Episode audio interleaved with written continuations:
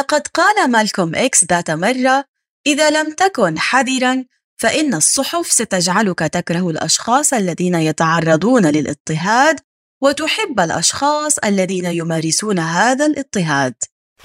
أهلا ومرحبا بكم في الإصدار الواحد والتسعون من نشرتكم الإخبارية الأسبوعية المفضلة من CoinMENA كلام كريبتو. أسبوع كبير بالنسبة للبيتكوين.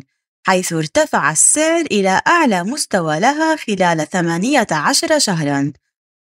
كما ونستذكر وإياكم ذكرى نشر ورقة البيتكوين البيضاء. هذا وأدلى سام بانكمان فريد بشهادته في محاكمته الخاصة.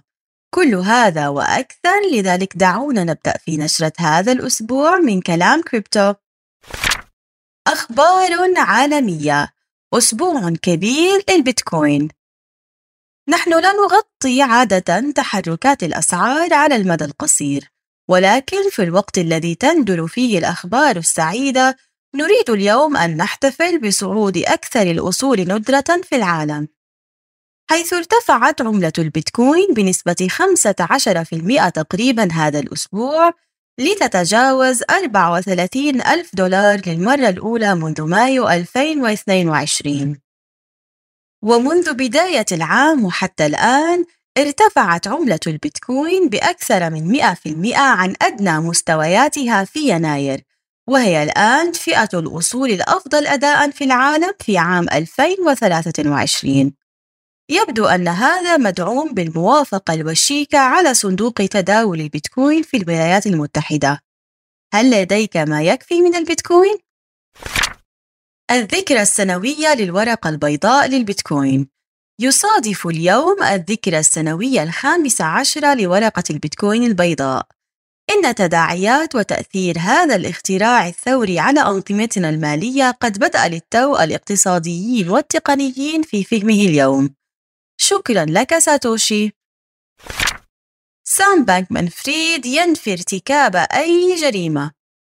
في لحظة متوقعة للغاية أدلى سام بانكمان فريد الذي يواجه سبع تهم بالاحتيال والتآمر أمام هيئة المحلفين متبنيا نبرة تؤكد أنه لم يكن على علم بالعديد من الأنشطة غير القانونية داخل إمبراطوريته FTX حيث أظهر بانكمان فريد سلوكا أكثر حذرا مكررا أنه على الرغم من ارتكابه للأخطاء إلا أنه كان مؤسسا شابا لشركة ناشئة ووضع ثقته في بعض الأفراد الخطأ.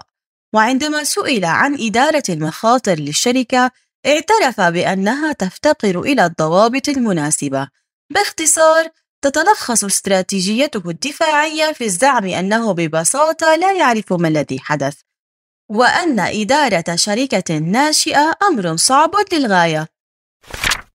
رابع أكبر بنك في تايلاند يشتري حصة بقيمة 103 مليون دولار في منصة لتداول العملات الرقمية. استحوذ بنك Kasikornbank رابع أكبر بنك في تايلاند على حصة أغلبية بقيمة 103 مليون دولار في الشركة الأم لمنصة العملات الرقمية المحلية ساتانغ تعكس هذه الخطوة ميلاً متزايداً تعترف فيه المؤسسات المالية التقليدية بأهمية قطاع العملات الرقمية، مع التركيز على الحاجة إلى التكيف والاعتماد لتجنب التخلف عن الركب. درس الأسبوع مختارات من جامعة كوين مينا لماذا تعتبر عملة البيتكوين مهمة؟ البيتكوين هو اختراع مكن الناس لأول مرة في التاريخ من إنشاء وإدارة معروض نقدي رقمي خارجا عن سيطرة أي حكومة أو بنك. اقرأ هذه المقالة في جامعة كوين مينا والتي تتعمق في سبب كون عملة البيتكوين ابتكارا تكنولوجيا مهما. تجدون الرابط في صندوق المحتوى. أخبار كوين مينا عرض حصري ضاعفنا مكافأة الإحالة لقد ضاعفنا مكافأة الإحالة إلى 10 دولار. سارع إلى دعوة أصدقائك للتسجيل عبر رابط الإحالة الخاص بك وسوف يكسب كلاكما 10 دولار عندما يقوم الصديق المدعو بالتسجيل والتحقق من حسابه. تنتهي هذه الحملة الحصرية في الساعة العاشرة من مساء اليوم الحادي والثلاثين من أكتوبر 2023 اربح 20 USDC قم بإيداع أو سحب عملة USDC عبر شبكة Stellar وهي خدمة أضافتها CoinMENA مؤخرا واكسب ما يصل إلى 20 USDC سارع الآن. هذا العرض صالح لأول ألف مستخدم ممن قاموا بالإيداع أو السحب. تفضل بقراءة المدونة لمعرفة المزيد من التفاصيل تطبق الشروط والأحكام. تجدون رابط المدونة في صندوق المحتوى. اختبر معلوماتك الرقمية الإجابة الصحيحة لسؤال الأسبوع الماضي والذي كان كيف يمكن للمستخدمين المشاركة في عرض USDC هي دال عن طريق إيداع أو سحب USDC عبر ستيلر أما سؤال الأسبوع هو وفقا لورقة البيتكوين البيضاء من لديه السلطة لإجراء تغييرات على بروتوكول البيتكوين؟ هل هو ألف مؤسسة البيتكوين ب مجموعة من معدني العملة الرقمية البارزين.